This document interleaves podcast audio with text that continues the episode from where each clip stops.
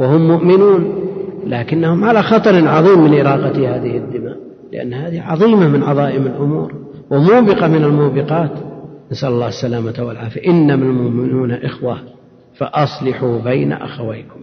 ثم قال رحمه الله تعالى ولا يسلبون الفاسق الملي ما اقتصر على قوله الفاسق لأن الفاسق يطلق على الكافر من كان مؤمنا كمن كان فاسقا لا يستوون أما الذين فسقوا فمأواهم النار هؤلاء كفار نسأل الله العافية كما أنه يطلق الفاسق ويراد به المسلم المرتكب للكبيرة إن جاءكم فاسق بنبأ فتبينوا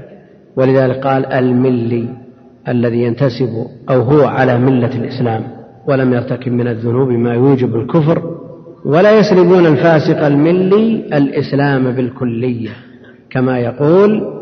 الخوارج فيطلقون عليه الكفر أو كما يقول المعتزلة فيسلبون عنه الإيمان ولا يحكمون بكفره فيجعلونه في المنزلة بين المنزلتين ولا يخلدونه في النار الخوارج يحكمون عليه بالكفر ويخلدونه في النار المعتزلة لا يحكمون عليه بالكفر يسلبون منه الإيمان ولا يحكمون عليه بالكفر ومع ذلك يخلدونه في النار فيتفقون مع الخوارج في النهاية كما تقوله المعتزلة بل الفاسق يدخل في اسم الإيمان هذا قول وحركته عمل حركته بهذه الشهادة عمل نعم لا نقول ما نكفرهم لأنهم يقولون أشهد أن لا إله إلا الله لكن كون من يدعو مع الله إلها غيره من يدعو الأئمة ويطلب منهم المدد ويستغيث بهم ويلجأ إليهم في حوائجه ويرجون مغفرتهم هذا من الشرك الأكبر يعني كل من قال لا إله إلا الله ثم أتى بالناقض يحكم بكفر من يطوف على القبر معتقدا آه، التقرب إلى صاحب القبر وهو أثناء طوافه يقول لا إله إلا الله هذا هذا مسلم ذا المراد بالخلود هنا بالنسبة للقاتل إذا لم يستحل القتل إن استحله كفر صار خلود حقيقي كخلود الكفار وإن لم يستحله فهو فاسق ولا يخلد خلود الكفار وإنما يراد بالخلود هنا طول المكث طول المكث ثم قال رحمه الله تعالى بل الفاسق يدخل في اسم الإيمان المطلق كذا في بعض النسخ وفي بعضها بل الفاسق يدخل في اسم الإيمان بدون المطلق وهذه أوضح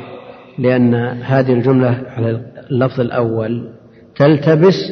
بالجملة التي تليها وما يقرره الشيخ في آخر الفصل تشكل على ما يقرره الشيخ في آخر الفصل وفي بعض النسخ بل الفاسق يدخل في مطلق الإيمان بل الفاسق يدخل في مطلق الإيمان يعني إذا وقف على المؤمنين هذا وقف على المؤمنين يدخل فتحرير رقبة مؤمنة كما استدل الشيخ رحمه الله يدخل فيها الفاسق ويجزي عتق الفاسق كما في قوله فتحرير رقبة مؤمنة يجزي فيها المسلم الفاسق لأن مطلق الإيمان يصح أن يطلق عليه فلا يسلب مطلق الإيمان وإن سلب الإيمان المطلق وإن سلب الإيمان المطلق ولذا قال وقد لا يدخل في اسم الإيمان المطلق قد هذه الأصل فيها أنها نعم للتقليل فسلب الإيمان المطلق على قلة وعلى كثرة لأن قوله قد لا يدخل في اسم الإيمان المطلق يدل على أنه غالبا ما يدخل في اسم الإيمان المطلق وقد هذه للتقليل لأن دخلت على مضارع وقوله في النهاية في في خاتمة الفصل فلا يعطى الاسم المطلق يعني الإيمان المطلق يدل على أن قد هذه حلفها أو لا أو نقول أنها أحيانا تأتي للتحقيق وقد لا يدخل في اسم الإيمان المطلق يعني يسلب عنه الايمان المطلق لا مطلق الايمان وفرق بينهما ان مطلق الايمان يطلق على اصله والايمان المطلق يطلق على الايمان الكامل فلذا لا يسلب عنه مطلق الايمان وان سلب عنه الايمان المطلق كما في قوله تعالى انما المؤمنون الذين اذا ذكر الله وجلت قلوبهم هذا حصر انما للحصر إنما المؤمنون الذين إذا ذكر الله وجلت قلوبهم أهل الإيمان المطلق وجلت قلوبهم وهل كل الناس إذا تليت عليهم الآيات توجل قلوبهم لا وهؤلاء الذين لا توجل قلوبهم ولا تخاف ولا تقشعر جلودهم هؤلاء ليسوا بمؤمنين الإيمان المطلق يعني الكامل لا يدخلون فيه وإن دخلوا في مطلق الإيمان إنما المؤمنون الذين إذا ذكر الله وجلت قلوبهم وإذا تليت عليهم آياته زادتهم إيمانا وإذا تليت عليهم آياته زادتهم إيمانا وهذه من الأدلة على زيادة الإيمان وقوله عليه الصلاة والسلام لا يزني الزاني حين يزني وهو مؤمن ولا يسرق السارق حين يسرق وهو مؤمن لا يزني الزاني حين يزني وهو مؤمن هل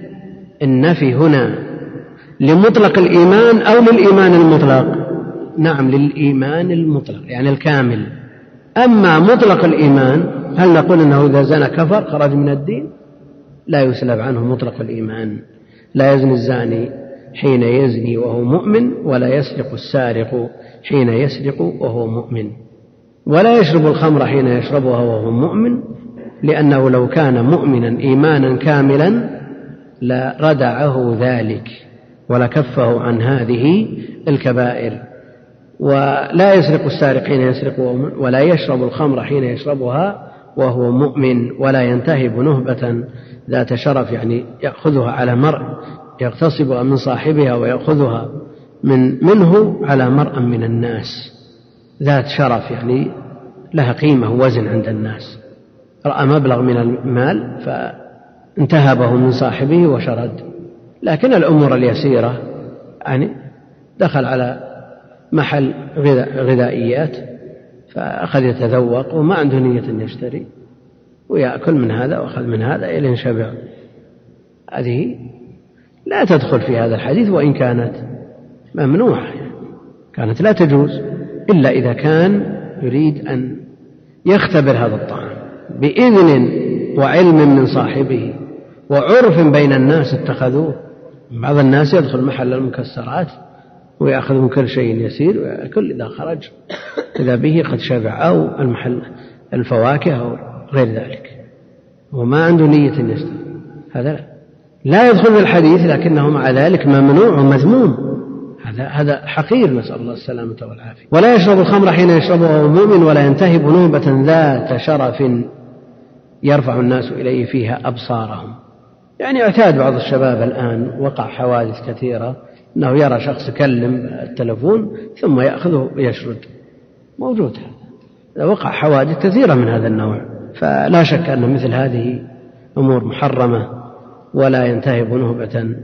إلى آخره وهو مؤمن وبهذا يستدل الخوارج في سلب الإيمان وأيضا المعتزلة أيضا يستدل به الخوارج والمعتزلة على سلب الإيمان عن مرتكب الكبيرة فيكفره الخوارج ويخرجه المعتزلة من دائرة الإيمان ولا يدخلونه في الكفر ولا شك أن مثل هذه النصوص الاعتماد على مثل هذه النصوص يوقع في مثل هذا إذا نظرنا إليها من زاوية واحدة ولا نظرنا إلى النصوص متكاملة فلا بد من أن ننظر إلى نصوص الكتاب والسنة على مراد الله ومراد رسوله عليه الصلاه والسلام فلا ننظر الى نصوص الوعيد فقط فنشبه الخوارج والمعتزله ولا ننظر الى نصوص الوعد فقط فنكون حينئذ مشبهين للمرجئه بل ننظر الى النصوص المجتمعه قد يقول قائل اذا كان الخوارج لهم ما يدل لهم من الكتاب والسنه الا يحكم بصحه قولهم واذا كان المرجئه من الأدلة ما يدل على قولهم من نصوص الكتاب والسنة ألا يمكن أن يصحح قولهم نقول لا نقول لا لا نضرب الكتاب بعضه ببعض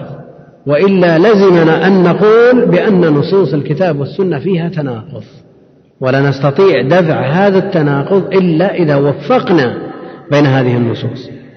فإذا وفقنا بين هذه النصوص وحملنا نصوص الوعد على حال ونصوص الوعيد على حال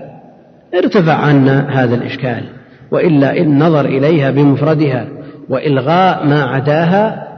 مما ينافيها في الظاهر هذا هو اتباع المتشابه وهذا إنما يتطلبه أهل الزيغ نسأل الله السلامة والعافية ونقول هو مؤمن يعني لا نسلبه الإسلام بالكلية فنقول كافر أو نقول منزلة بل منزلتين بل نقول هو مؤمن ناقص الإيمان هو مؤمن عنده أصل الإيمان لكن الإيمان الكامل لا يوجد عنده إنما يوجد عنده إيمان ناقص مؤمن ناقص الإيمان أو مؤمن بإيمانه أصل الإيمان عنده فاسق بكبيرته مؤمن بإيمانه فاسق بكبيرته فلا يعطى الاسم المطلق الإيمان الكامل كما تقول المرجئة وغلاتهم يقولون أن إيمان أفسق الناس كإيمان جبريل ونصوص القرآن تهدم هذا القول من أساسه فمن كان مؤمنا كمن كان فاسقا هل يستوي الذين يعلمون والذين لا يعلمون الاستواء ما ليس بوارد يعني لا يمكن أن تجد من عباد الله جل وعلا اثنين متطابقين من كل وجه فضلا عن أن يقال في الطرف في في أقصى الطرف الأيمن مساو لأقصى الطرف الأيسر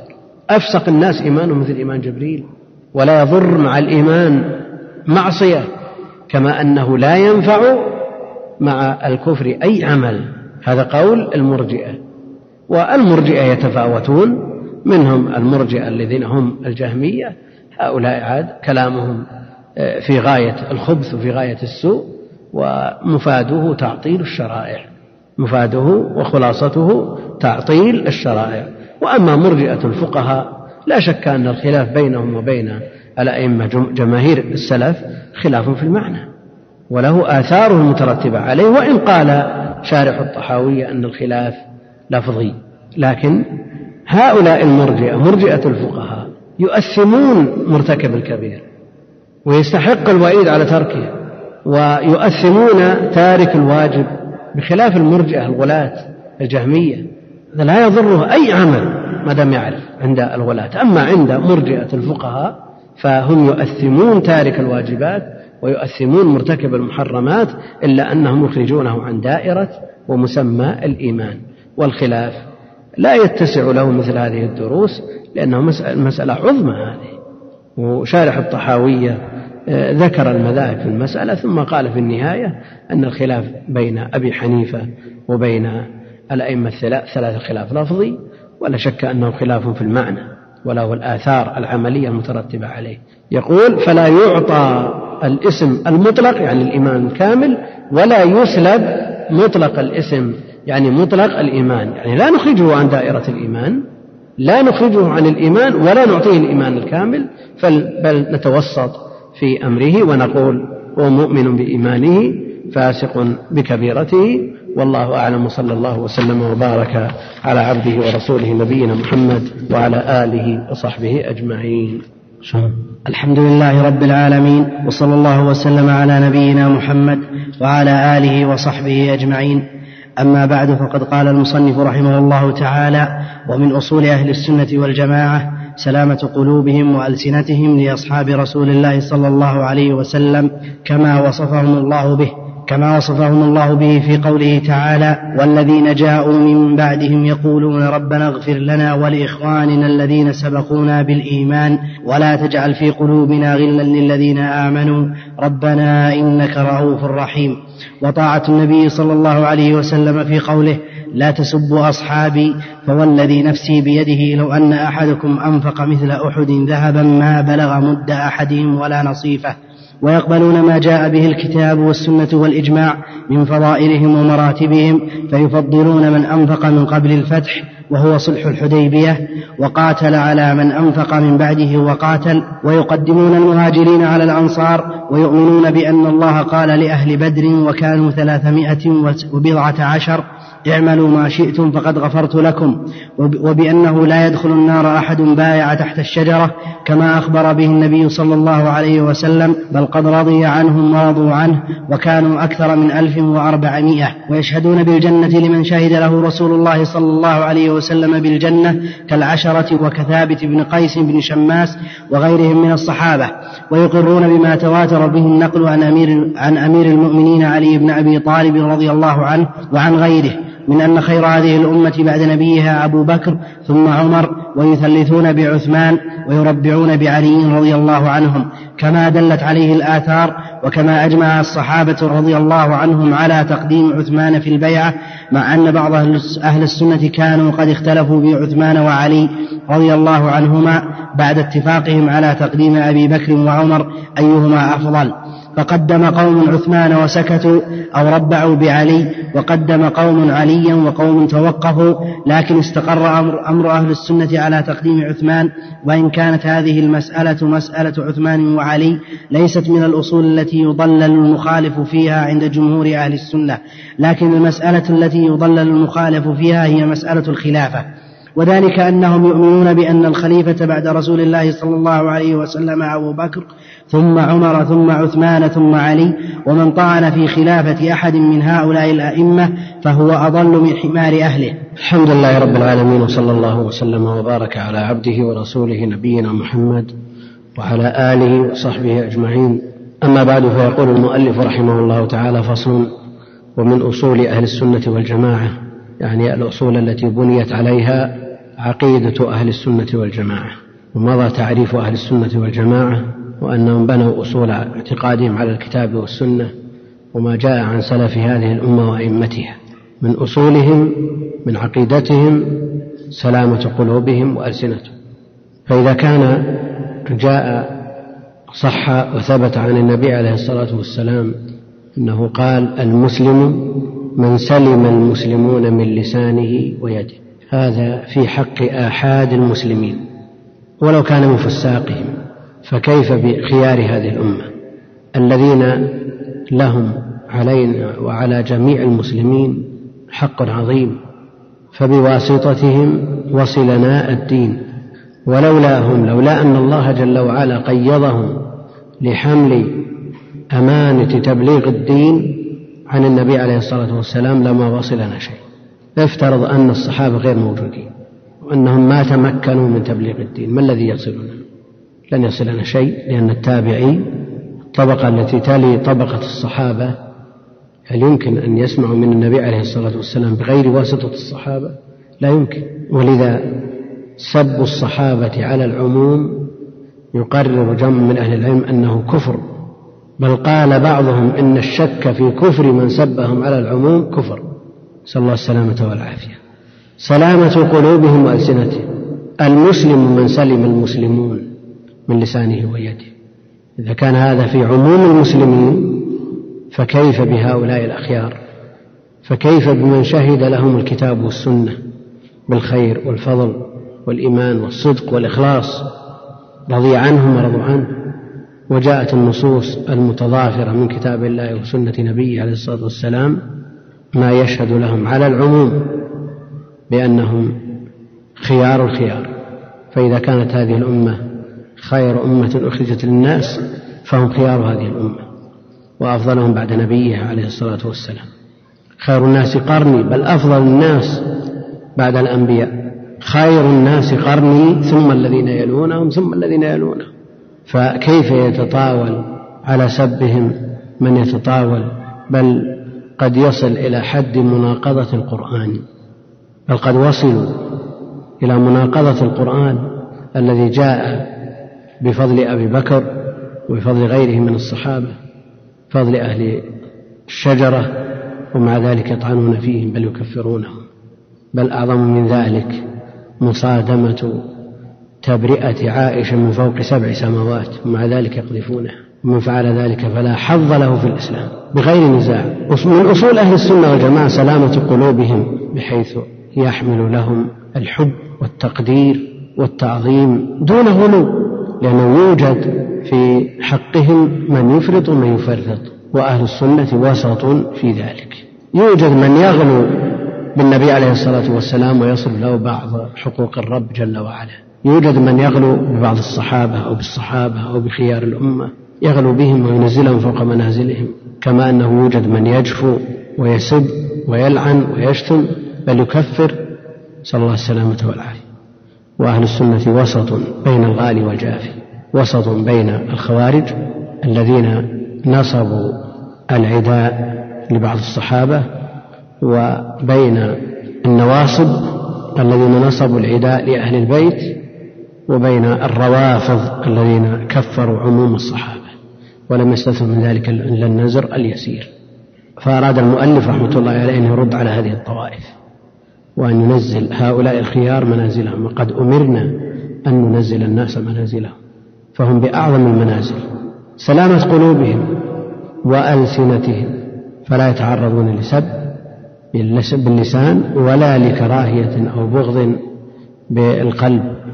والحديث من سلم المسلمون من لسانه ويده نحتاج أن نقول يسلم تسلم أيديهم من الصحابة يعني بعد وفاتهم لا يمكن أن يقال هذا وهم إلا إذا تطاول أحد على مقبور منهم وأساء إليه مع أن هذا لا يضيق لكن هي إساءة على كل حال لأن حرمة المسلم ميتا كحرمته حيا سلامة قلوبهم وألسنتهم لأصحاب رسول الله صلى الله عليه وسلم وأصحاب جمع صاحب كصحب صحب جمع صاحب وأصحاب جمع أيضا صاحب والصاحب والصحابي آه، قد يكون أصحاب جمع, جمع صحابي كأنصار جمع أنصاري وصاحب جمع صاحب كركب جمع راكب والصحابي من لقي النبي عليه الصلاة والسلام أو رأى النبي عليه الصلاة والسلام مؤمنا به ومات على إيمانه به ولو تخلل ذلك رده من لقي النبي عليه الصلاة والسلام مؤمنا به يخرج بذلك من آمن في عصره ولم يلقه كالمخضرمي ويخرج بذلك من رآه غير مؤمن به ولو آمن بعد ذلك كرسول هرقل لا يعد من الصحابة كما أن من آمن به في عصره ولم يلقه ليس من الصحابة ومن رآه ولم يؤمن به حتى مات هذا ليس من الصحابة كرسول هرقل وجاء حديث يرويه رسول العراق في المسند ويعد موصولا وهو من رواية تابعي رواية تابعي موصولة كيف سمعه من النبي عليه الصلاة والسلام مباشرة لكنه لا يحكم بصحبته والمرسل مرفوع التابعي نعم مرفوع التابعي الذي لم يلقى النبي عليه الصلاة والسلام أما من لقي النبي عليه الصلاة والسلام فروايته عنه متصلة ولو لم يكن صحابيا من لقي النبي عليه الصلاة والسلام أو رأى النبي عليه الصلاة والسلام مؤمنا به يعني رآه حقيقة أو حكما فلا يخرج بذلك من رأى من آمن به ولقيه وهو أعمى كابن أم مكتوم مثلا إنما الغالب الغالب أنهم مبصرون ولا يطلقون من رأى النبي عليه الصلاة والسلام ومن لقي النبي عليه الصلاة والسلام أعم وأشمل مؤمنا به ومات على ذلك يعني ولو كانت المدة يسيرة جدا ولو كانت المدة يسيرة جدا تثبت له الصحبة وإن كان الاستعمال اللغوي والعرفي أن لا تستعمل الصحبة إلا في من طالت ملازمته لمن صحب ولذا يذكر عن الزهري أنه قال الصحابي من صحب النبي عليه الصلاة والسلام سنة أو سنتين أو غزا معه غزوة أو غزوتين وعلى كل حال ما ذكرناه هو اختيار الإمام البخاري الإمام البخاري رحمه الله في باب أو في كتاب فضائل أصحاب النبي صلى الله عليه وسلم باب فضائل أصحاب النبي صلى الله عليه وسلم ومن صحب النبي أو رآه من المسلمين فهو من أصحابه نعم من صحب النبي صلى الله عليه وسلم أو رآه من المسلمين يعني حال كونه من المسلمين فهو من أصحابه يقول الشارح ومن صحب النبي صلى الله عليه وسلم ورآه من المسلمين ومن أصحابه يعني أن اسم الصحبة مستحق لمن صحبه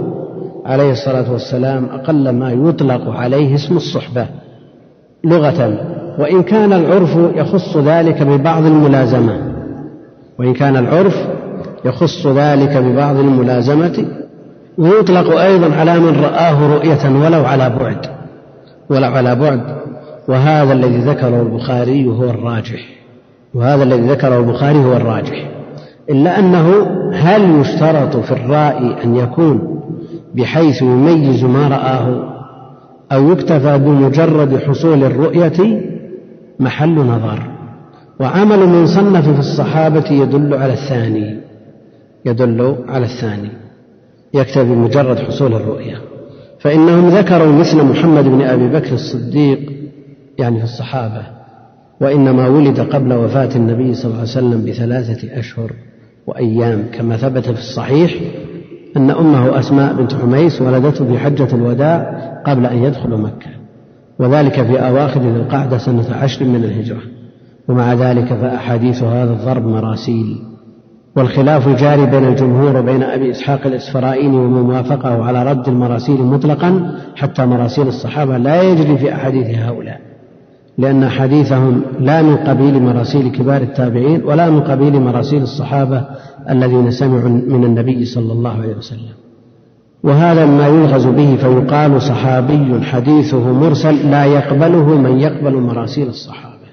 ومنهم من بالغ فكان لا يعد في الصحابة إلا من صحب الصحبة العرفية كما جاء عن عاصم الأحول قال رأى عبد الله بن سرجس رسول الله صلى الله عليه وسلم غير أنه لم يكن له صحبة إن لم يكن له صحبة عرفية تطول وملازمة أخرجه أحمد هذا مع كون عاصم قد روى عن عبد الله بن سرجس هذا عدة أحاديث وهي عند مسلم وأصحاب السنن منهم من اشترط في ذلك أن يكون حين اجتماعه به بالغا وهو مردود أيضا لأنه يخرج مثل الحسن بن علي ونحوه من أحداث الصحابة والذي جزم به البخاري يعني ما ذكرناه في بداية كلامه هو قول أحمد والجمهور من المحدثين وقول البخاري من المسلمين قيد يخرج به من صحبه أو من رآه من الكفار فأما من أسلم بعد موته منهم فإن كان قوله من المسلمين حالا خرج من هذه صفته وهو المعتمد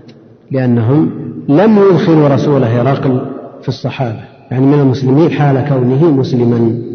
قال ويرد على التعريف من صحبه ورآه مؤمنا به ثم ارتد بعد ذلك ولم يعد إلى الإسلام فإنه ليس صحابيا اتفاقا فينبغي أن يزاد فيه ومات على ذلك استطرد الحافظ بكلام طويل ممن ذكر واختلف فيه ففي الجن مثلا هل يعتبرون من الصحابة من رأى النبي عليه الصلاة والسلام منهم وأيضا الملائكة هل يعتبرون صحابة الذين رأوا النبي عليه الصلاة والسلام منهم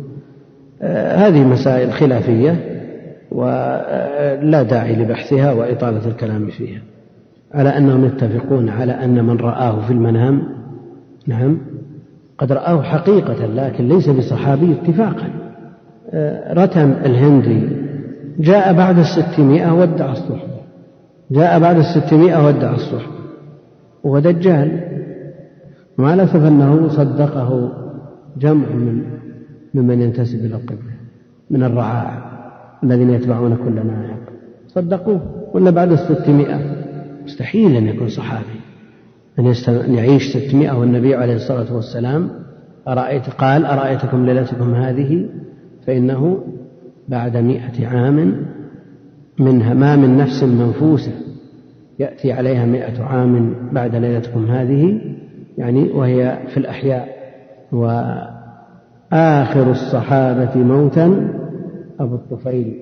عامر بن واثلة توفي سنة عشر ومئة يعني على تمام مئة سنة من مقالته عليه الصلاة والسلام فمن ادعى الصحبة بعد ذلك فهو دجال والكلام في هذا الباب كثير لكن المرجح ما اعتمده الإمام البخاري وهو قول أحمد وجماهير المحدثين واطلاع آه، طالب العلم على ما كتبه الإمام البخاري رحمه الله وشرحه ابن حجر في أول الجزء السابع من فتح الباري أمر في غاية الأهمية يحتاج إليه طالب العلم لا سيما وأننا نعيش في ظرف يسب فيه الصحابة علنا ويشتمون ويلعنون حتى قال قائلهم أن أنزل الناس منزلة في النار آخر الناس منزلة في النار عمر ثم أبو بكر ثم إبليس يعني سمعناه بأصواتهم وقرأناه في كتبهم ومقالاتهم نسأل الله السلامة والعافية يقول كما وصفهم الله به في قوله تعالى والذين جاءوا من بعدهم يقولون ربنا اغفر لنا ولإخواننا الذين سبقونا بالإيمان ولا تجعل في قلوبنا غلا للذين آمنوا ربنا إنك رؤوف رحيم هذه الآية من سورة الحشر بعد أن ذكر الفيء ثم ذكر من يستحق هذا الفيء فذكر المهاجرين ثم الأنصار ثم الذين جاءوا من بعدهم ممن يتبعهم بإحسان إلى يوم الدين ممن هذا وصفه أو هذا حاله والذين جاءوا من بعدهم يقولون ربنا اغفر لنا ولإخواننا الذين سبقونا بالإيمان ولا تجعل في قلوبنا غلا للذين آمنوا ربنا إنك رؤوف رحيم فالذين لا يقولون مثل هذا للمهاجرين والأنصار لا يستحقون من الفيء شيئا كما قرر ذلك ثلة من أهل العلم وهو مفاد الآيات الآية الآيات سيقت في من يستحق الفيء فذكر المهاجرين ثم ذكر الأنصار ثم ذكر الذين جاءوا من بعدهم ممن هذه حالهم وهذا وصفهم ربنا اغفر لنا ولإخواننا الذين سبقونا بالإيمان ولا تجعل في قلوبنا غلا للذين آمنوا ربنا إنك رؤوف رحيم يعني كم تصور من يحرم من إذا سمع أبا بكر قال رضي الله عنه سمع عمر رضي الله قال رضي الله عنه سمع عثمان قال رضي الله عنه سمع علي قال رضي الله عنه سمع بقية كل من سمعه من الصحابة ترضى عنه كم من كم يحرم من لا يترضى عنه فضلا عن كونه يبغضهم أو يسبهم أو يكفرهم إذا كان الملك يقول ولك بالمثل إذا دعوت لإنسان من عامة المسلمين فكيف إذا دعوت لأبي بكر أو عمر أو غيرهما من خيار الأمة الذين جاءوا من بعدهم يقولون ربنا اغفر لنا ولإخواننا الذين سبقونا بالإيمان ولا تجعل في قلوبنا غلا للذين آمنوا ربنا إنك رؤوف رحيم وطاعة النبي صلى الله عليه وسلم في قوله لا تسبوا أصحابي النبي عليه الصلاة والسلام نهى عن سبهم لا تسبوا أصحابي فهو الذي نفسي بيده والمواجهة بهذا الكلام صحابي أيضا المواجهة بهذا الكلام صحابي يعني حصل جدال ونزاع وخصومة بين خالد بن الوليد وعبد الرحمن بن عوف لا شك أن عبد الرحمن بن عوف أفضل من خالد بكثير وأقدم في الإسلام فالنبي عليه الصلاة والسلام واجه خالدا بقوله لا تسبوا أصحابي وخالد من أصحابه ولا يعني هذا أن خالدا ليس من أصحابه أبدا فهو صحابي بالإجماع على جميع الأقوال صحابي لكن كونه يواجه خالد بمثل هذا الكلام وخالد خالد يعني ما هو أي, أي إنسان يعني ممن نصر الله به الإسلام ومع ذلك يقول له لا تصبوا أصحابي فكيف من يتعرض لسبهم مما لا وزن له في الإسلام لا تسبوا أصحابي فوالذي نفسي بيده أقسم النبي عليه الصلاة والسلام وهو الصادق المصدوق المصدق أقسم على هذا للاهتمام بشأنه والعناية بأمره بأمر هذا الخبر والذي نفسي بيده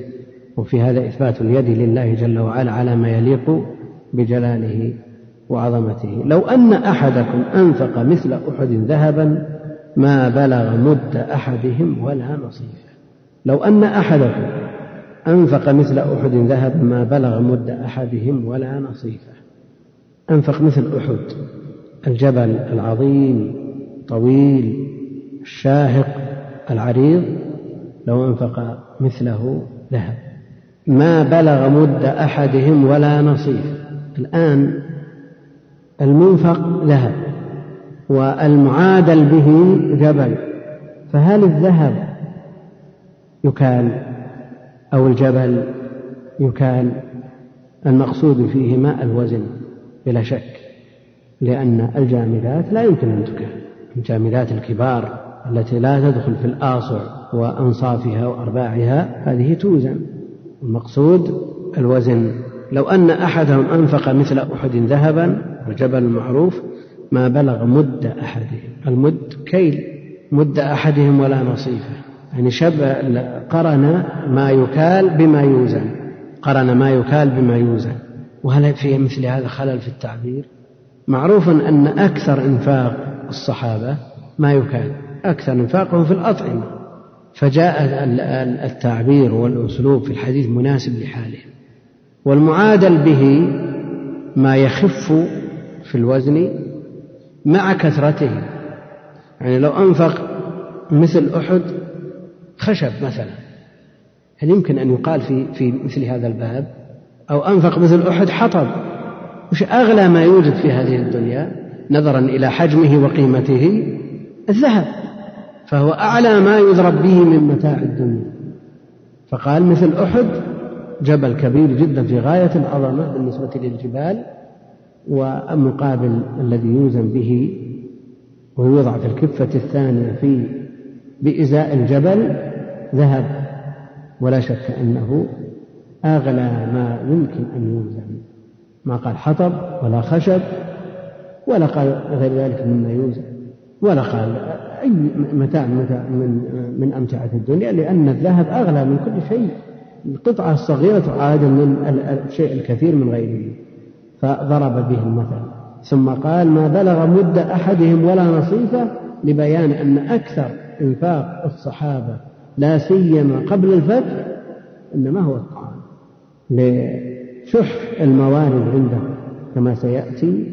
في قوله جل وعلا في الآية اللاحقة لا يستوي من أنفق من قبل الفتح وقاتل نعم مد أحدهم المد ربع الصاع فالصاع أربعة أمداد والمد من أكفي الرجل المعتدل ولا نصيفه يعني النصف المد يعني ثمن الصاع مثل أحد تصور مثل أحد لا يعدل ثمن صاع بالنسبة للصاع قد يقول قائل هذا الحديث لا إشكال فيه صحيح فماذا عن قول النبي عليه الصلاة والسلام في آخر الزمان العامل في آخر الزمان له أجر خمسين قالوا منهم يا رسول الله قال لا منكم هذا يدل على أن الإنفاق والعمل الصالح في آخر الزمان أفضل من العمل الصالح بالنسبة للصحابة فهل في هذا تعارض ولا ما في تعارض نعم كيف بأي شيء نعم نعم يعني العمل مثل العمل يعني العمل من من العامل في آخر الزمان أطعم مسكين وصحابي أطعم مسكين صحابي أطعم مسكين وعامل في آخر الزمان عند فساد أهل الزمان عند فساد الناس حيث لا يجد من يعينه أطعم مسكين نقول هذا له أجر خمسين من أولئك وكون هذا الأجر خمسين ضعف بالنسبة لأجر الصحابي لا يعني أنه أفضل منه كيف وقد سبق درهم ألف درهم درهم سبق ألف درهم وشرف الصحبة لا يعدله شيء شرف الصحبة لا يعدله شيء قال ويقبلون ما جاء به الكتاب والسنة والإجماع من فضائلهم ومراتبهم جاءت الفضائل للصحابة على سبيل الإجمال محمد رسول الله والذين معه أشداء على الكفار رحماء بينهم هذا مدح استدل الإمام مالك رحمه الله بقوله ليغيظ بهم الكفار على كفر من من يغيظه شأن الصحابة أو بعض الصحابة استدل الإمام مالك بآخر آية الفتح ليغيظ بهم الكفار فالذي يغيظه شأن الصحابة هو كافر هكذا استنبط الإمام مالك من هذه الآية ومن فضائلهم سواء كانت على سبيل العموم والإجمال رضي الله عنهم ورضوه عنه أو على سبيل التفصيل كفضائل أبي بكر فضائل عمر فضائل عثمان فضائل علي رضي الله تعالى عن الجميع فضائل أبي عبيدة فضائل سعد فضائل سعيد إلى غيرهم من الصحابة يؤمنون بما جاء في الكتاب والسنة ويعتمدون على ما ثبت عن الله وعن رسوله عليه الصلاة والسلام ولا يرفعون أحدا فوق منزلته كما تفعله طوائف المبتدعة ممن يعبد البشر أو يعبد القبور أو ما أشبه ذلك صلى الله السلامة والعافية ولا ينزلون الناس عن منازلهم التي أنزلهم الله إياها ويقبلون ما جاء به الكتاب والسنة والإجماع من فضائلهم ومراتبهم لا شك أنهم مراتب لا شك أنهم ليسوا في منزلة واحدة الصحابة ليسوا بمنزلة واحدة فأبو بكر أفضل الأمة بعد نبيها ثم عمر ثم عثمان ثم علي على الخلاف لا تجي عثمان وعلي وهذا قول جماهير أهل العلم ممن يعتد بقوله بل هو قول أهل السنة قاطبة وأما بالنسبة لابن حزم فقد فضل أزواج النبي عليه الصلاة والسلام على أبي بكر وعمر فضل أزواج النبي عليه الصلاة والسلام على أبي بكر وعمر وحجته في ذلك أنهن معه في منزلته في الجنة وأبو بكر وعمر دونه لكن لا شك أن الجزاء الأصلي لذات الشخص يختلف عن الجزاء التبعية يعني النعيم الذي يكون من أجل الشخص يتنعم به أكثر مما يتنعم به من يتبعه وإذا أردنا نضرب مثالا بالواقع وجدنا أن كثيرا من الخدم أفضل بكثير في المعيشة من كثير من أوساط الناس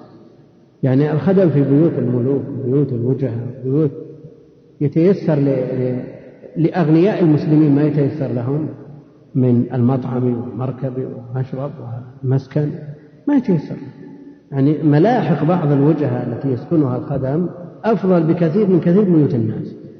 لكن هؤلاء تبع هل يقال أن هؤلاء أفضل من أولئك لا ما يمكن فيثبت بالتبعية ما لا يقتضي آه، الأفضلية الاستقلال أبدا يعني لو ضربنا مثال يقرب المسألة وهو يخص طلاب العلم يعني مثال تقريبي تفسير الطبري مثلا إذا أردت أن تصنف المكتبة وضعت كتب التفسير في أول المكتب أين تضع تفسير الطبري أول دا أول مكان إمام المفسرين يعني في أول دالوب من, من أو في أول رف تضع تفسير الطبري وتفسير الرازي مثلا تضعه يعني في الآخر في الآخر تضع يعني الآن تفسير بالأثر وتفسير بالرأي تفسير موافق يعني رأي مخالف موافق لما جاء عن السلف مثلا وتفسير فيه مخالفات هذا في الآخر فلو طبع تفسير الرازي على هامش تفسير الطبري تبي تضطر تجعل تفسير الرازي الذي بالهامش في أول دليل على شأنه ولا على شأنه على شأن الطبري وهذا هو الواقع تفسير النيسابوري مختصر من من من الرازي طبع على تفسير على هامش تفسير الطبري فاضطر الناس ان يضعوه في الدالوب الاول في الرف الاول مع الطبري هل هذا لسواد عيونه ولا لأهميته ونفاسته إنما وضع تبعا هذا مثال تقريبي دليل على أن قول آه، آه، ابن حزم مرجوح لاحظ لا حظ له من النظر النصوص الصحيحة الصريحة القطعية جاءت بتفضيل أبي بكر على غيره فكيف يقال بأن أمهات المؤمنين أفضل من أبي بكر جاء من حديث علي رضي الله تعالى عنه أن أفضل الأمة بعد نبيها أبو بكر ثم عمر كما سأله ابنه محمد ابن الحنفية في الحديث الصحيح ويفضلون من أنفق من قبل الفتح وهو صلح الحديبية عندنا نص الفتح يعني لا يختلف أحد في أنه إذا قيل غزوة الفتح المراد بها فتح مكة فتح مكة وبهذا العنوان يأتي ويرد في كتب السير كلها لكن الفتح المراد به ويفضلون من أنفق من قبل الفتح وهو صلح الحديبية و وقاتل على من أنفق من بعد وقاتل لأن سورة الفتح نزلت على إثر صلح الحديبية قبل فتح مكة وفيها إنا فتحنا لك فتحا مبينا ولا شك أن مقدمات الفتح فتح مقدمات الفتح فتح لكن هل يلزم أن يكون الفتح في سورة الفتح هو الفتح في في قوله لا يستوي من أنفق من بعد الفتح وقاتل هل يلزم أن يكون الفتح هنا والفتح ذاك هل يختلف أحد أن فتح مكة فتح الآن متى ظهر الفرق الكبير بين حال المسلمين قبل وبعد هل هو هل ظهور ذلك أوضح في صلح الحديبية أو في فتح مكة حينما دخل الناس في دين الله أفواجا نعم يعني هل إذا قلنا أن المراد بالفتح فتح مكة يعني هل إذا قلنا أن المراد بالفتح فتح مكة هل نختلف يعني في مسألة التفضيل أنفق من بعد الفتح وقاتل نعم هل هذا التفضيل إذا قلنا المراد به فتح مكة نكون قد خالفنا قول الله جل وعلا إن فتحنا لك فتحا مبينا سورة الفتح نزلت على إثر صلح الحديبية وهو فتح بالإجماع لكن ما المراد بالفتح من قوله في الظلون من أنفق من قبل, من قبل الفتح هل هو صلح الحديبية كما قال آه، آه، المؤلف رحمه الله تعالى أو المراد به فتح مكة نعم الشيخ يقول الصلح لكن الآن وش سبب التفضيل في سبب العدم في المساواة لكن هل الضيق انحل بصلح الحديبية أو انحل بفتح مكة وأسلم دخل الناس في دين الله أفواجا إذا قول الشيخ وهو صلح الحديبية يعني لو رجحنا غيره وقلنا فتح مكة هل نكون خالفنا ما جاء في قول الله جل وعلا إن فتحنا لك فتحا مبينا نقول صلح الحديبية فتح فتح بلا إشكال هذا نص قطعي ما في ما في مجال للاجتهاد وفتح مكة أيضا فتح ولا يوجد في هذا أحد فلو قلنا أن المراد بالفتح في آية التفضيل هذه هو فتح مكة والشيخ يقول هو صلح الحديبية إذا نظرنا إلى السبب في التفضيل نعم قلنا فتح فتح مكة وإذا قلنا أن الفتح ينبغي أن يكون تفسيره في النصوص واحدا قلنا وصلح الحديبية لكن هل يلزم أن يكون تفسير الكلمة الواحدة في النصوص واحد أو في كل سياق أو في كل سياق في كل سياق ما يدل عليه السياق إذا قل الشيخ يقول صلح ما... آه، صلح الحديبية إذا قلنا فتح مكة نقول خالفنا ولا ما ما خالفنا نعم أيوه سورة الفاتحة نزلت على إثر الصلح ولا خلاف في أنها في الصلح هذه ما أحد يجادل فيه نعم لا أحد يجادل في أن سورة الفتح للصلح والصلح فتح اتفاقا لأن أهل العلم يقول مقدمات الفتح فتح وعندك فتح مكة الحقيقي حيث دخل أهل مكة في دين الله دخل الناس في دين الله أفواجا وجاء الناس من من من أنحاء الجزيرة بعد الفتح يسلمون أفواج إذا جاء نصر الله والفتح طيب إذا جاء نصر الله والفتح أي فتح هذا هل هو صلح الحديبية أو فتح مكة أخوان خلكم معي إذا أردنا بعد أن نتوسع قلنا الخلاف في الفتح ليس المراد بفتح مكة لأن هذه علامة على ف... هذه نعي للرسول عليه الصلاة والسلام والسورة نزلت في آخر عمره عليه الصلاة والسلام في ثاني أيام التشريق من حجة الوداع فالفتح أعم من أن يكون فتح مكة أو فتح آه، صلح الحديبية أو ما أشبه ذلك إيه؟ أكثر المفسرين على أنه فتح مكة لكن ما عندنا إذا قالت حذام فصدقوه كلام شيخ شيخ الإسلام إمام وعنده إحاطة واطلاع على النصوص ولا يشك في إمامته واطلاعه وصحة استنباطه ما عندنا إشكال لكن لسنا متعبدين بكلام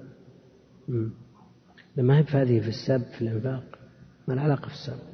ما العلاقة في السب يعني إذا نظرنا إلى السبب في تفضيل الإنفاق والقتال قبل الهجرة قبل الفتح على ذلك بعده لا شك أنه بالنسبة لفتح مكة أظهر أظهر يعني قبل فتح مكة ولو كان بعد صلح الحديبية يعني الناس أمنوا بعد الصلح بعد المهادنة أمنوا لكن هل توسعت أحوالهم مثل ساعتها بعد فتح مكة ذرنا إذا هذه علة رجحنا أن المراد بالفتح فتح مكة وهناك ألفاظ تكررت في القرآن تفسر في كل موضع بما يناسب السياق بما يناسب السياق فهل المناسب للسياق لتفسير الفتح في هذه الآية في آية الإنفاق والقتال قبل وبعد صلح الحديبة أو فتح مكة نعم فتح مكة لأن الأمور توسعت بعد فتح مكة توسعت بلا شك دخل الناس في دين الله أفواجا من الناس ودخلت قريش في دين الله نعم هم قبل الفتح على كل حال قبل الفتح نعم يعني هل هو أقرب إلى أن دعنا من من من أفضلية من بايع تحت الشجرة ما في إشكال بيجي الكلام عنه ما في مشكال لكن الفتح في هذه الآية لا يستوي من أنفق من قبل الفتح وقاتل ظهور السبب الذي من أجله عدم استوائهم هل يظهر السبب في صلح الحديبة أو في فتح مكة يعني هل الشدة استمرت إلى فتح مكة أو انتهت بصلح الحديبية نعم استمرت إلى فتح مكة وهذا يرجح أن المراد بالفتح فتح مكة ويقدمون المهاجرين على الأنصار لأنه يجتمع فيهم الوصفان الهجرة والنصرة ولذا قدموا في سورة الحشر قدموا على الأنصار للفقراء المهاجرين ثم قال ها كيف؟ يعني فيما جاء في الأنصار والذين تبوا الدار والإيمان من قبلهم على كل حال المهاجرين لهم مزايا اشتركوا في الهجرة وفي النصرة الأنصار اشترى لا شك أن لهم فضائل وقال النبي عليه الصلاة والسلام في حقهم من الحديث الصحيح آية الإيمان حب الأنصار وآية النفاق بغض الأنصار ولما رأى الأنصار النبي عليه الصلاة والسلام يعطي آه، بعض المؤلفة ويتركهم كأنه صار في أنفسهم فتكلم من تكلم منهم فقال النبي عليه الصلاة والسلام ما قال من مناقب الأنصار الناس دثار والأنصار شعار الناس دثار والأنصار شعار يعني شو الفرق بينهما الدثار اللباس الخارجي آه، والشعار اللباس الداخلي الذي يلي شعر البدن فمعنى ذلك أنهم أقرب إلى قلبه عليه الصلاة والسلام ولولا الهجرة لكنت امرأ من الأنصار المقصود أن لهم فضائل لكن لا يعني أنهم أفضل من المهاجرين ففي المهاجرين أفضل الأمة العشرة المبشرون بالجنة كلهم من المهاجرين كلهم من المهاجرين ويقدمون المهاجرين على الأنصار ويؤمنون بأن الله تعالى قال لأهل بدر وكانوا ثلاثمائة وبضعة عشر البدر يوم الفرقان يوم من أعز الله به الإسلام ونصره هؤلاء الذين حضروا هذه الغزوة أول الغزوات ثلاثمائة وبضعة عشر قال لهم الله جل وعلا اعملوا ما شئتم فقد غفرت لكم قالها في قصة حاطب ابن أبي بلتعة لما كتب إلى أهل مكة لما كتب إلى أهل مكة يخبرهم بمقدم النبي عليه الصلاة والسلام لغزوهم ولا شك أن هذه هفوة وزلة عظيمة ولذا استأذن عمر في قتله استأذن عمر في قتله فنهاه النبي عليه الصلاة والسلام وقال وما يدريك لعل الله اطلع على بدر فقال اعملوا ما شئتم فقد غفرت لكم هذه مزية للبدريين وبأنه لا يدخل النار أحد بايع تحت الشجر فأهل بدر كلهم مغفور لهم ولا يدخل النار أحد بايع تحت الشجرة وكانوا ألف وأربعمائة كما في صحيح البخاري كما أخبر به النبي صلى الله عليه وسلم بل قد رضي الله عنهم ورضوا عنه وكانوا أكثر من ألف وأربعمائة هؤلاء كلهم مرضي عنه وهل من مفهوم ذلك أنه إذا رضي عنهم لم يرضى عن غيرهم لا لا لماذا كيف لا ليتم لو كان مفهوم مخالف كان له وجه مفهوم لقب مفهوم لقب ومفهوم اللقب لا حجة فيه لا حجة فيه ويشهدون بالجنة لمن شهد له رسول الله صلى الله عليه وسلم كالعشرة كالعشرة أهل السنة والجماعة لا يجزمون لأحد بجنة ولا نار من أهل القبلة لا يقطعون لأحد من أهل القبلة بجنة ونار إلا لمن شهد له النبي عليه الصلاة والسلام وأما من عداهم فيرجون للمحسن ويخافون على المسيء يرجون للمحسن ويخافون على المسيء ومن أهل العلم من يرى أن الناس إذا اتفقت ألسنتهم بالثناء على شخص من الأشخاص نعم كمالك والسفيانين وأحمد وغيرهم إذا اتفقت ألسنة الناس على الثناء على شخص فإنه من أهل الجنة ويدل على ذلك حديث مر بجنازة فأثنوا عليها خيرا فقال وجبت وجبت وجبت ومر بجنازة فأثنوا عليها شرا فقال وجبت وجبت وجبت ثم فسر فقال أثنيتم عليه خيرا وشهدتم له بالخير فوجبت له جنة والآخر أثنيتم عليه شرا فوجبت له, له النار وأنتم شهداء الله في أرضه من أهل العلم من يأخذ من هذا الحديث أن من اتفق الناس اتفقت ألسنة الناس بالثناء على شخص يشهدون له بالجنة لكن لا شك أن مثل هذا العموم يزيد في الرجاء يزيد في الرجاء لأن مثل هذا قد يشهد له فئام من الناس ويخفى عليك يشهد له بالخير ويخفى عليك ممن يشهد عليه بالشر بخلاف من نص عليهم المصطفى عليه الصلاة والسلام كالعشرة أبو بكر عمر عثمان علي سعيد سعيد بن زيد سعد بن أبي وقاص سعيد وسعد وابن عوف عبد الرحمن بن عوف وطلحة طلحة بن عبيد الله وعامر فهر والزبير الممدح هؤلاء هم العشرة يشهدون لهم ويشهدون لغيرهم لمن شهد له النبي عليه الصلاة والسلام كثابت بن قيس بن شماس وعبد الله بن سلام وعكاشة آه، بن محصن والحسن والحسين والمرأة التي تصرع ثابت بن قيس بن شماس هذا خطيب جهوري الصوت يخطب بين يدي النبي عليه الصلاة والسلام إذا جاءت الوفود ويرفع صوته فلما نزل قول الله جل وعلا في سورة الحجرات يا أيها الذين آمنوا لا ترفعوا أصواتكم فوق صوت النبي ولا تجهروا له بالقول كجهر بعضكم لبعض أن تحبط أعمالكم فقال حبطت أعمالي فأنا من أهل النار فقيد نفسه في بيته فقده النبي عليه الصلاة والسلام فقال رجل أنا آتي بخبره فذهب إليه فأخبره الخبر وقال له النبي عليه الصلاة والسلام ليس من أهل النار بل هو من أهل الجنة عبد الله بن سلام رضي الله عنه وارضاه كان يهوديا ثم أسلم فقال النبي عليه الصلاة والسلام من أراد أن ينظر إلى رجل يمشي على الأرض ومن الجنة فلينظر لعبد الله بن سلام الحسن والحسين سيدا شباب أهل الجنة إلى غير ذلك ممن شهد له النبي عليه الصلاة والسلام ومناقب العشرة معروفة مدونة فيها مؤلفات في مؤلف للمحب الطبري مجلد ضخم أو مجلدين في بعض الطبعات اسمه الرياض النظرة في مناقب العشرة الرياض النظرة في مناقب العشرة وثابت بن قيس بن شماس وغيرهم من الصحابة ويقرون بما تواتر به النقل عن أمير المؤمنين علي بن أبي طالب رضي الله عنه وغيره من أن خير هذه الأمة بعد نبيها أبو بكر ثم عمر الآن اختيار علي رضي الله عنه من بين الرواة لفضائل أبي بكر وعمر من المؤلف له مغزى ولا ما له مغزى؟ له مغزى للرد على على الرافضة إذا كانت فضائل أبي بكر وعمر جاءتنا عن طريق علي رضي الله عنه فكيف تنكر قال ويقرون بما تواتر به النقل عن أمير المؤمنين علي بن أبي طالب رضي الله عنه وغيره من أن خير هذه الأمة بعد نبيها أبو بكر ثم عمر ويثلثون بعثمان يجعلون عثمان هو الثالث ويربعون بعلي رضي الله عنهم فيجعلونه الرابع كما دلت عليه الآثار وكما أجمع الصحابة على تقديم عثمان في البيعة مع أن في البيعة الآن عثمان رضي الله تعالى عنه تقديم أبي بكر وعمر محل إجماع محل إجماع بين أهل السنة التثليث بعثمان في الفضل محل خلاف جمهور أهل السنة والجماعة يثلثون بعثمان ويربعون بعلي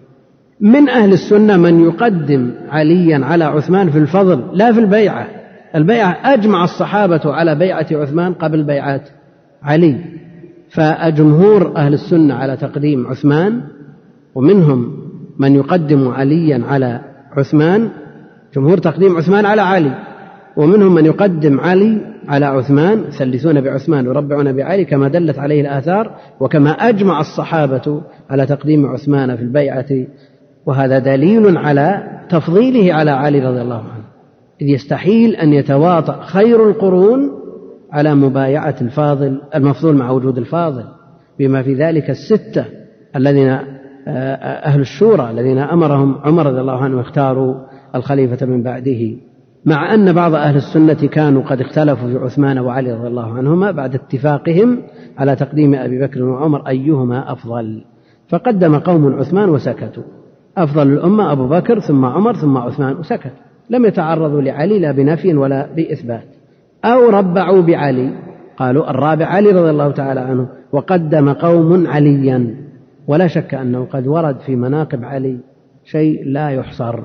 لكنه شانه أتباعه بما وضعوا وما زادوا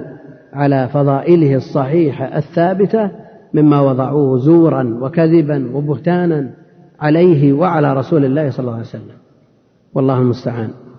وقدم قوم عليا وقوم توقفوا لكن استقر أمر أمر أهل السنة على تقديم عثمان ثم علي يعني أجمعوا بعد الخلاف السابق على تقديم عثمان على علي وإن كانت هذه المسألة مسألة علي وعثمان يعني تقديم أحدهما على الآخر ليست من الأصول التي يضلل المخالف فيها لأن من أهل العلم من أهل السنة والجماعة من الأئمة من قدم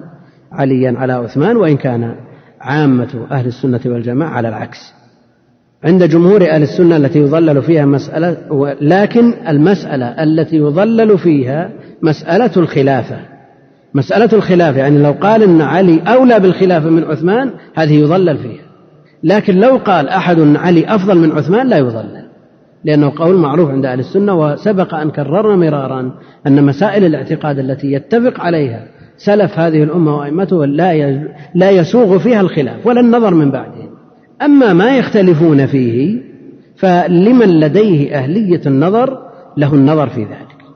إذا كان هناك خلاف معتبر بين آه، أئمة الإسلام وذلك أنهم يؤمنون أن الخليفة بعد رسول الله صلى الله عليه وسلم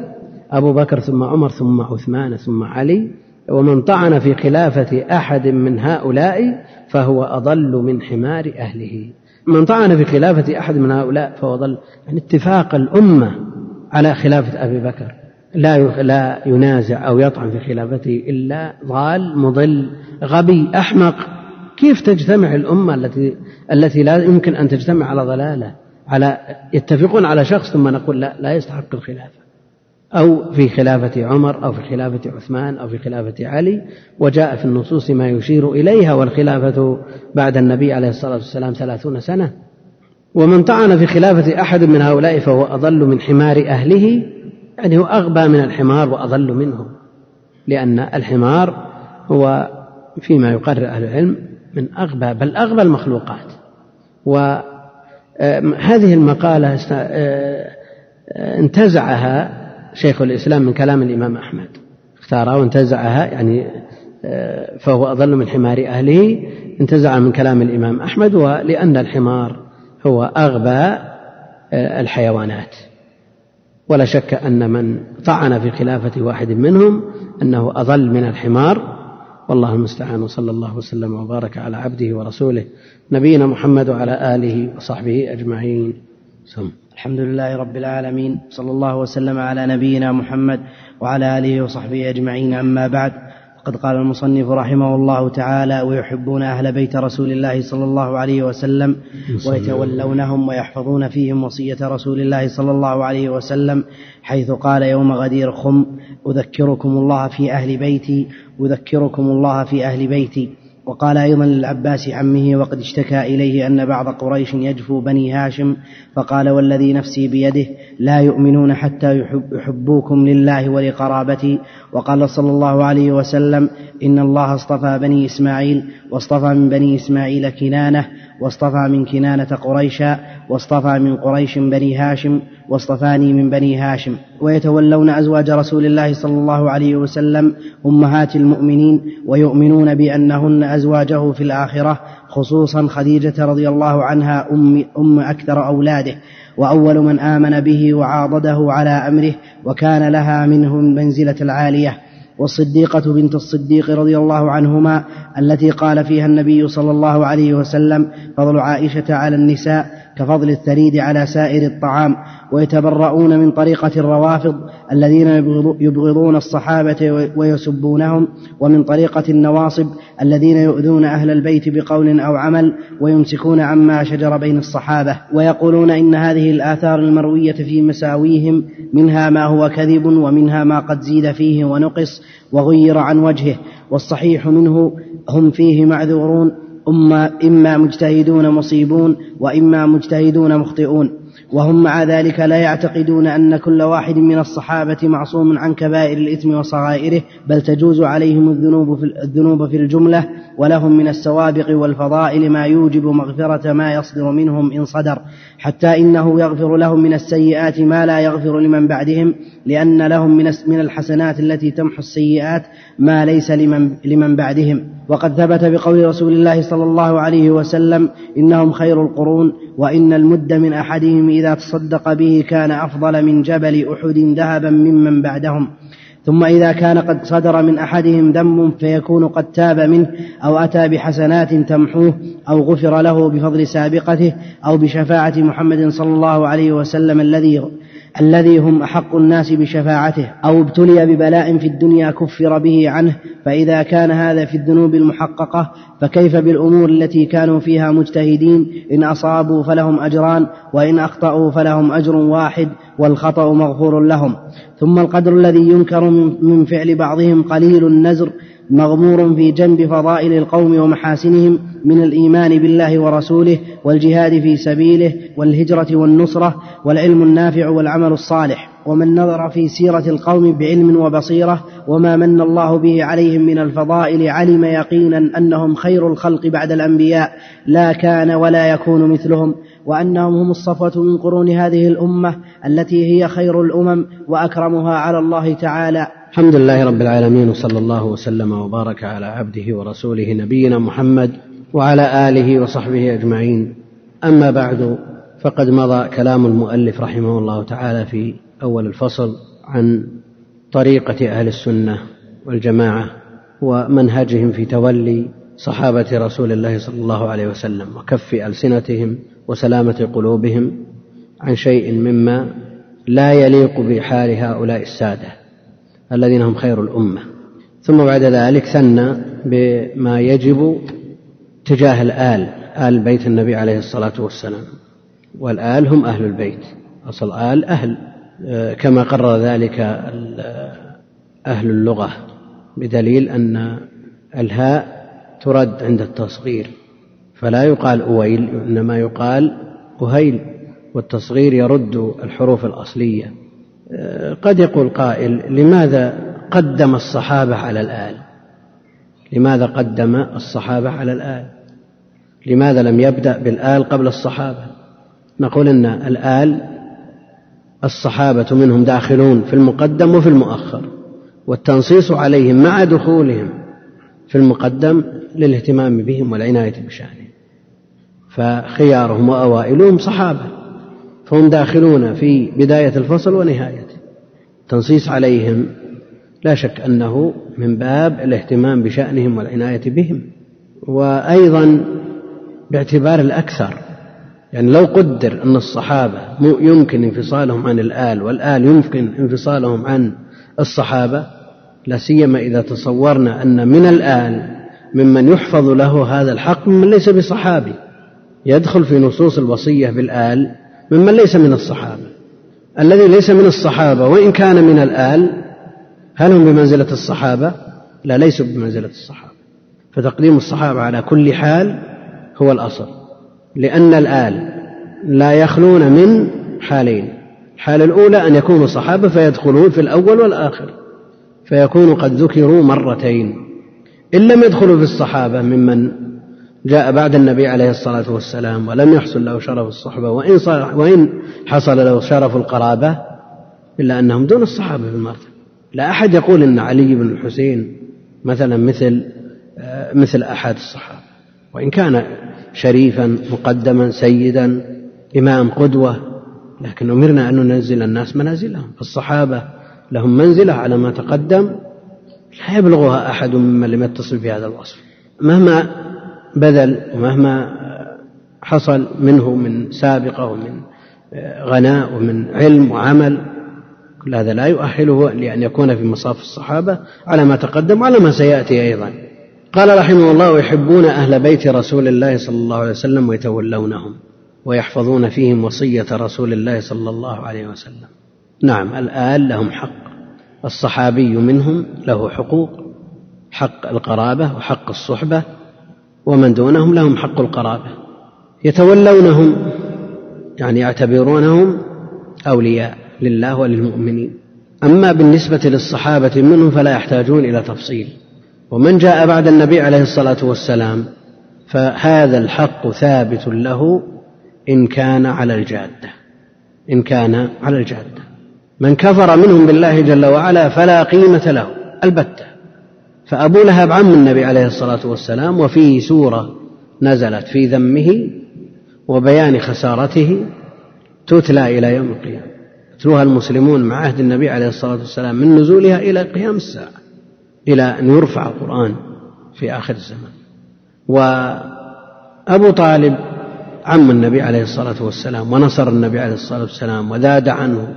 لكن الله لم يكتب له الهداية ونزل فيه قول الله جل وعلا انك لا تهدي من احببت كذلك لا نتولاه ولا نحفظ فيه الوصيه لانه ليس من اهلها لانه ليس من اهلها ويحفظون فيهم وصيه رسول الله صلى الله عليه وسلم حيث قال يوم غدير خم موضع بين مكه والمدينه يقرب من الجحفه قال حينما قدم من مكه قافلا إلى المدينة أذكركم الله في أهل بيتي فهم وصيته عليه الصلاة والسلام فهذا حق لهم يحفظ دون غيرهم من خيار الأمة ولو كانوا صحابة الصحابة لهم حقوق تقدم شيء منها وسيأتي شيء منها لكن القرابة إذا كانوا صحابة فلهم الحقوق مجتمعة أذكركم الله في أهل بيتي هذه وصية من النبي عليه الصلاة والسلام تحفظ لأهل البيت ولآل البيت إلى قيام الساعة فمن ثبت نسبه إليه عليه الصلاة والسلام مع اختلاف أهل العلم في المراد بآل البيت منهم من يقول هم بنو هاشم الذين لا تحل لهم صدقة ومنهم من يضيف بني المطلب ومنهم من يقول هم نسله عليه الصلاة والسلام وعلي والعباس وما تفرع عنهما إضافة إلى عقيل وجعفر وكلهم من آل البيت على كل حال المسلم منهم يحفظ له هذا الحق ولا تأخذ المسلم في ذلك ردة فعل لأن من ممن ينتسب إلى القبلة يبالغ فيغلو في أهل البيت حتى يصل به الأمر إلى أن يجعلهم آلهة مع الله جل وعلا حصل هذا من غلاة الرافضة على عهد النبي عليه الصلاة والسلام على عهد علي رضي الله تعالى عنه على عهد علي رضي الله عنه ادعوا فيه الألوهية لما رأيت الأمر أمرا منكرا أججت ناري ودعوت قنبرا هؤلاء الغلاة لا عبرة بهم كما أنه لا عبرة بضدهم من النواصب الذي لما رأوا كثرة الوضع في فضائل آل البيت أخذتهم العاطفة والحمية وردت الفعل فوضعوا في فضائل أبي بكر وعمر أحاديث موضوعة مكذوبة على النبي عليه الصلاة والسلام وهذه طريقة النواصب وطريقة أهل السنة والجماعة بين الفئتين الضالتين يتولون الآل ويحفظون فيهم وصية النبي عليه الصلاة والسلام لكنهم لا يصرفون لهم شيئا من حقوق الله جل وعلا واذا كان يسمع في مثل هذه الايام تكفير الصحابه وتضليل الصحابه والغلو بال البيت حتى قال القائل وهو يطوف بالبيت يا ابا عبد الله جئنا بيتك قصدنا حرمك نرجو مغفرتك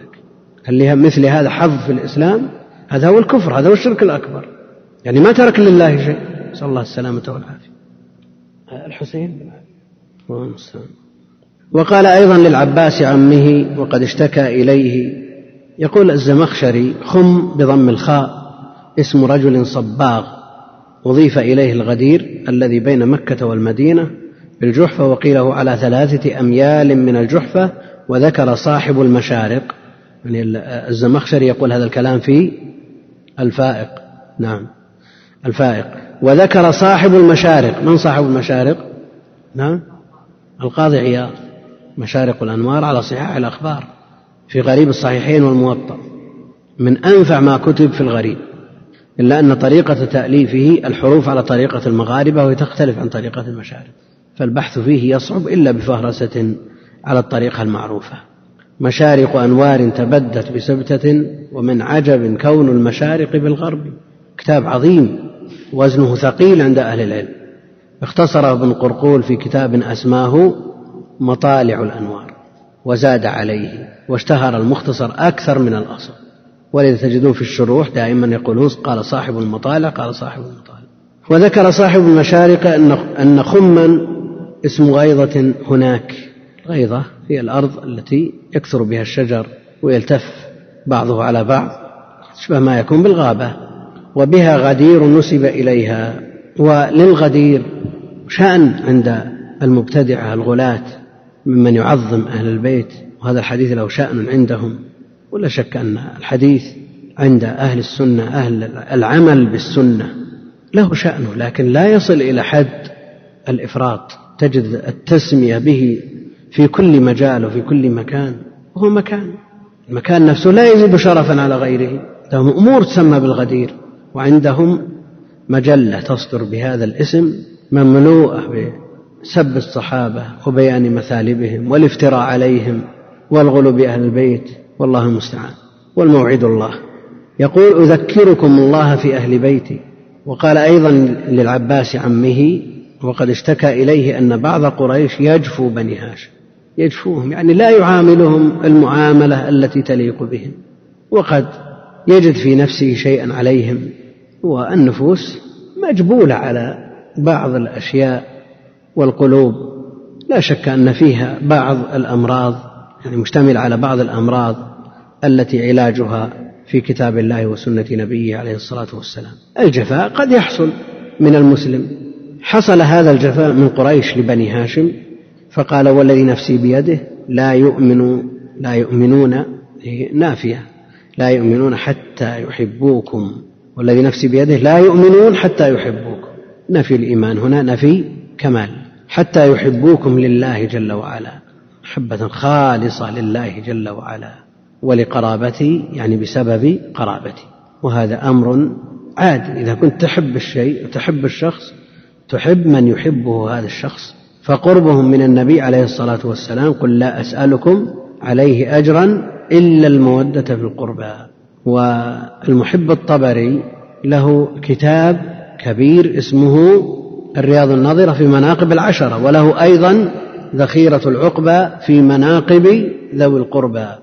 هو الذي نفسي بيده في إثبات اليد لله جل وعلا مر بنا مرارا أن كثيرا من الشراح يؤولون هذا فرارا من إثبات اليد فيقولون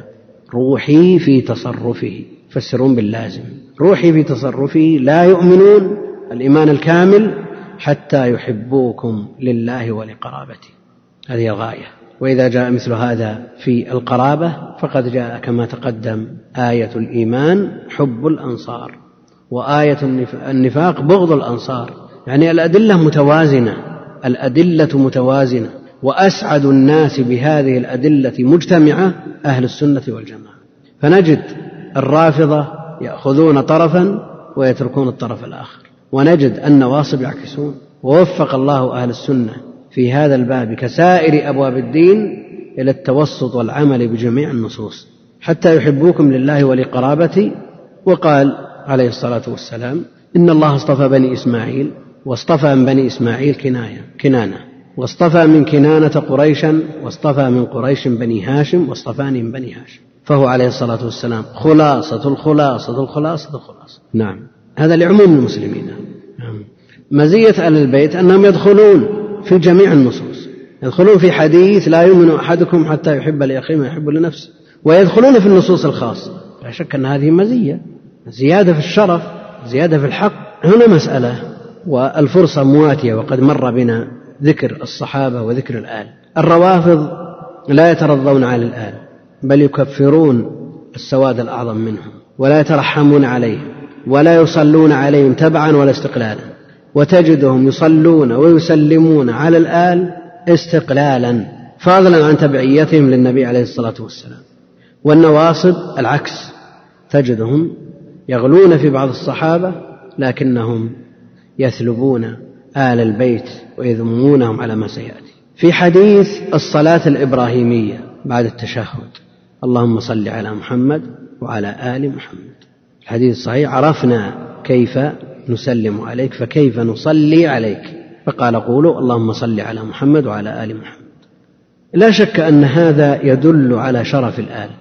مع ان الال بالمعنى الاعم يشمل اهل البيت ويشمل الصحابه ويشمل الازواج على وجه الخصوص لانه جاء في بعض الروايات اللهم صل على محمد نعم وعلى ازواجه وذريته والنصوص يفسر بعضها ببعض أقول صار شعار لبعض المبتدعة تخصيص الآل دون الصحب وشعار لبعض المبتدعة تخصيص الصحب دون الآل وأهل السنة يجمعون بينهم فهل في حديث الصلاة الإبراهيمية ما يدل على أنه يضطرد في الصلاة على النبي عليه الصلاة والسلام عطف الآل دون الصحب أولا الحديث العام في الصلاة عليه عليه الصلاة والسلام ما جاء على وجه العموم الأمر بالصلاة عليه والسلام في في أواخر الأحزاب إن الله وملائكته يصلون على النبي يا أيها الذين آمنوا صلوا عليه وسلموا تسليما امتثال هذا الأمر العام بقولنا صلى الله عليه وسلم بدون زيادة ولا نقصان امتثال هذا الأمر بقولنا صلى الله عليه وسلم والصلاة الإبراهيمية في التشهد فرد من أفراد هذا العام فرد من أفراد هذا العام والتنصيص على بعض الأفراد لا يقتضي التخصيص بالقواعد الجارية على هذا التنصيص على بعض الأفراد لا يقتضي التخصيص ففي الصلاة لا بد أن نقول اللهم صل على محمد وعلى آل محمد خارج الصلاة نمتثل بقولنا صلى الله عليه وسلم وإذا أضفنا من له حق علينا كالآل والصحب فنور على نور لأن الآل هم وصية النبي عليه الصلاة والسلام والصحب بواسطتهم وصلنا الدين هم الواسطة بيننا وبين النبي عليه الصلاة والسلام وهذا سبق تقريره فالعموم يقتضي صلى الله عليه وسلم في الصلاة الإبراهيمية نقول صلى الله عليه اللهم صل على محمد وعلى آل محمد ولما كان الإفراد شعارا لبعض المبتدعة والنص لا يلزم في على العموم ليس بملزم خلافا لمن يقول انه يجب الصلاة على على الآل كل ما ذكر النبي عليه الصلاة والسلام كل ما ذكر النبي عليه الصلاة يجب الصلاة على الآل لقوله قولوا اللهم صل على محمد وعلى آل محمد عرفنا أن هذا فرد من أفراد العام العام فيه صلوا عليه وسلموا تسليما وهذا فرد من أفراده والتنصيص على بعض الأفراد لا يقتضي الخصوص يعني ممن عاش في بيئة تأثر بها لوجود بعض المبتدعة فيها والبيئة مؤثرة والإنسان ابن بيئته مهما حاول التخلص الصنعاني والشوكاني ويتبعهم صديق بن حسن خان يقولون أنه يجب الصلاة على الآل كل ما ذكر النبي عليه الصلاة والسلام طيب أئمة الإسلام من صدر الإسلام إلى يومنا هذا ما يصلون على الآل يكتفون بقوله صلى الله عليه وسلم الأئمة مالك وأحمد والشافعي والبخاري ومسلم وغيرهم قالوا هؤلاء يداهنون الولاة يداهنون الولاة طيب هؤلاء كلهم وجدوا في خلافة الآن في خلافة بني العباس كيف يداهنون الولاة وكيف يظن بأئمة الإسلام التتابع والاتفاق على هذا الأمر بمداهنة الولاة هذا طعن في هؤلاء الأئمة يعتقدون وجوب الصلاة على الآل ويتركونها مداهنة للولاة يمكن أن يقال هذا يظن بأئمة الإسلام مثل هذا الظن تخريج المسألة على على أصولها الأصل امتثال قول الله جل وعلا في سائر الأحوال اللهم صل صلوا عليه وسلموا تسليما صلى الله عليه وسلم ولا يمنع أن نضيف أن نقول صلى الله عليه وسلم وآله وصحبه ومن تبعهم بإحسان إلى يوم الدين ما يمنع أما التنصيص على بعض الأفراد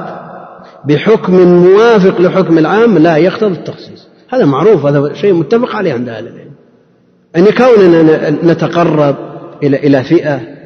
نتقرب إليهم ونتألفهم نعم إذا وجدت في بلدهم والمسألة محتملة والنص يحتمل وذكر آه، شيء قد يثيرهم ويجعلهم لا يقبلون ما يخالف لكن في حال ساعة في بلاد الإسلام ما في أحد يضغط عليك يعني يقال إن, أن شخصا من الشيعة آه، آه، تأثر بتخصيص الآل فصار سنيا المداراة مطلوبة لكن حينما يقوم سببها يعني لو إنسان عاش في إيران مثلا وقال اللهم صل على محمد وآله ما يلهم لأنهم يتألفون بهذا في أمر مشروع أصله أصله مشروع ما فيه إشكال لكن نترك الصحب وهم الجمع, الجمع الغفير ممن نصر الدين وحمل إلى الدين كل مداراة الله ما بصحيح ليس بصحيح هذا إطلاقا وعلى كل حال حتى من يقول من أهل العلم بأننا ندخل الآل ونتبع ونعطف الآل على الرسول عليه الصلاة والسلام لا يمنع من من من آه، عطف الصحب ما يمنعون وقد يقول قائل إن الآل يشمل أهل البيت والصحابة نقول صحيح بالمعنى الأعم لكن صار الآل لهم حقيقة عرفية إذا أطلق ما ينصرف إلا إليهم صار لهم حقيقة عرفية إذا أطلق لا ينصرف إلا إليه وصار شعار عند بعض المبتدعة تلبسوا به لا يحيدون عنه فما الذي يضير أن يقال صلى الله عليه وعلى آله وصحبه وسلم أما مسألة التأليف وعدم التأليف هل أنت ملزم أن تترضى على معاوية في في طهران؟ احنا نترضى على معاوية لكن احنا ملزمين آه، علنا نثير الناس عليه ما احنا ملزمين لكن مع ذلك في قرارات أنفسنا نترضى عليه فكل شيء يقدر بقدره وكل شيء ينزل بمنزلته نعم هو في بيئة شيعية هو هو بيئة نعم عند الحنابلة ركن من أركان الصلاة أما أما خارج الصلاة فهم والصحابة سواء هم الصحابة السبعة أصل الامتثال لقوله جل وعلا صلوا عليه وسلموا تسليما فإذا قلت صلى الله عليه وسلم كما هو صنيع الأئمة من صدر الإسلام إلى يومنا هذا خلاص انتهى إذا أضفت من له حق نعم من له حق أضف كل من له حق أما التخصيص بدون مخصص دعنا من مسألة في داخل الصلاة نعم داخل الصلاة توقيفي لا تزيد ولا تنقص ما تقول سيدنا محمد وهو سيد ولد آدم فالزيادة مثل النقص هم عاشوا في بيئة تأثروا بها شاءوا أم أبوا حتى أنهم أحيانا يسيئون الأدب لبعض الصحابة والبدعة بدعة ولو كانت من عمر لا شك أن البيئة لها تأثير في مثل هذا الإنسان ابن بيئته لو حاول التخلص ما يستطيع كثرة ما يسمع كثرة ما يقول وكثرة ما إيه، تجمعهم المجالس ثم يضطر إلى أحيانا إلى أن يقول مثل هذا الكلام نعم ما احنا بنذم الشوكاني جزاك الله خير ولا الصنعاني ولا صديق نعرف انهم من من اهل السنه في الجمله يعني